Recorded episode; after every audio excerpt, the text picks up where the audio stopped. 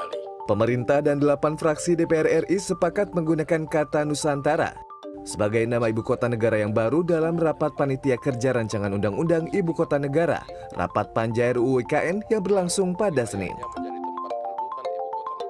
Sementara fraksi PKS setuju dengan catatan yakni masih menunggu penjelasan dari ahli bahasa.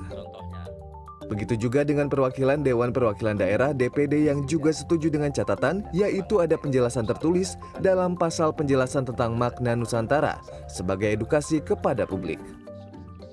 wilayah geografi sebuah negara di mana konstituentannya adalah pulau-pulau yang dipisahkan oleh lautan.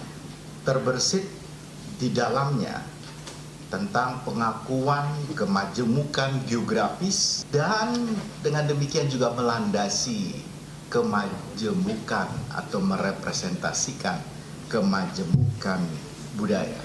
Jadi, Nusantara adalah sebuah konsep kesatuan yang bersedia mengakomodasi kemajemukan itu.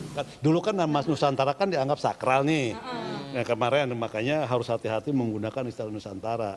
Nah istilah Nusantara itu kan juga secara historis kan terus berkembang penyebutannya kan. Jadi tidak tidak bertentangan dan tidak apa istilahnya mengganggu kesakralan istilah Nusantara.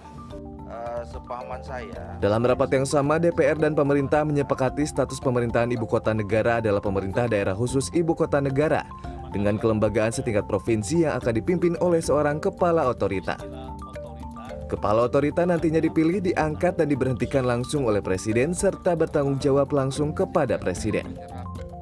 Tim Liputan CNN Indonesia. kita skor sampai 18.30.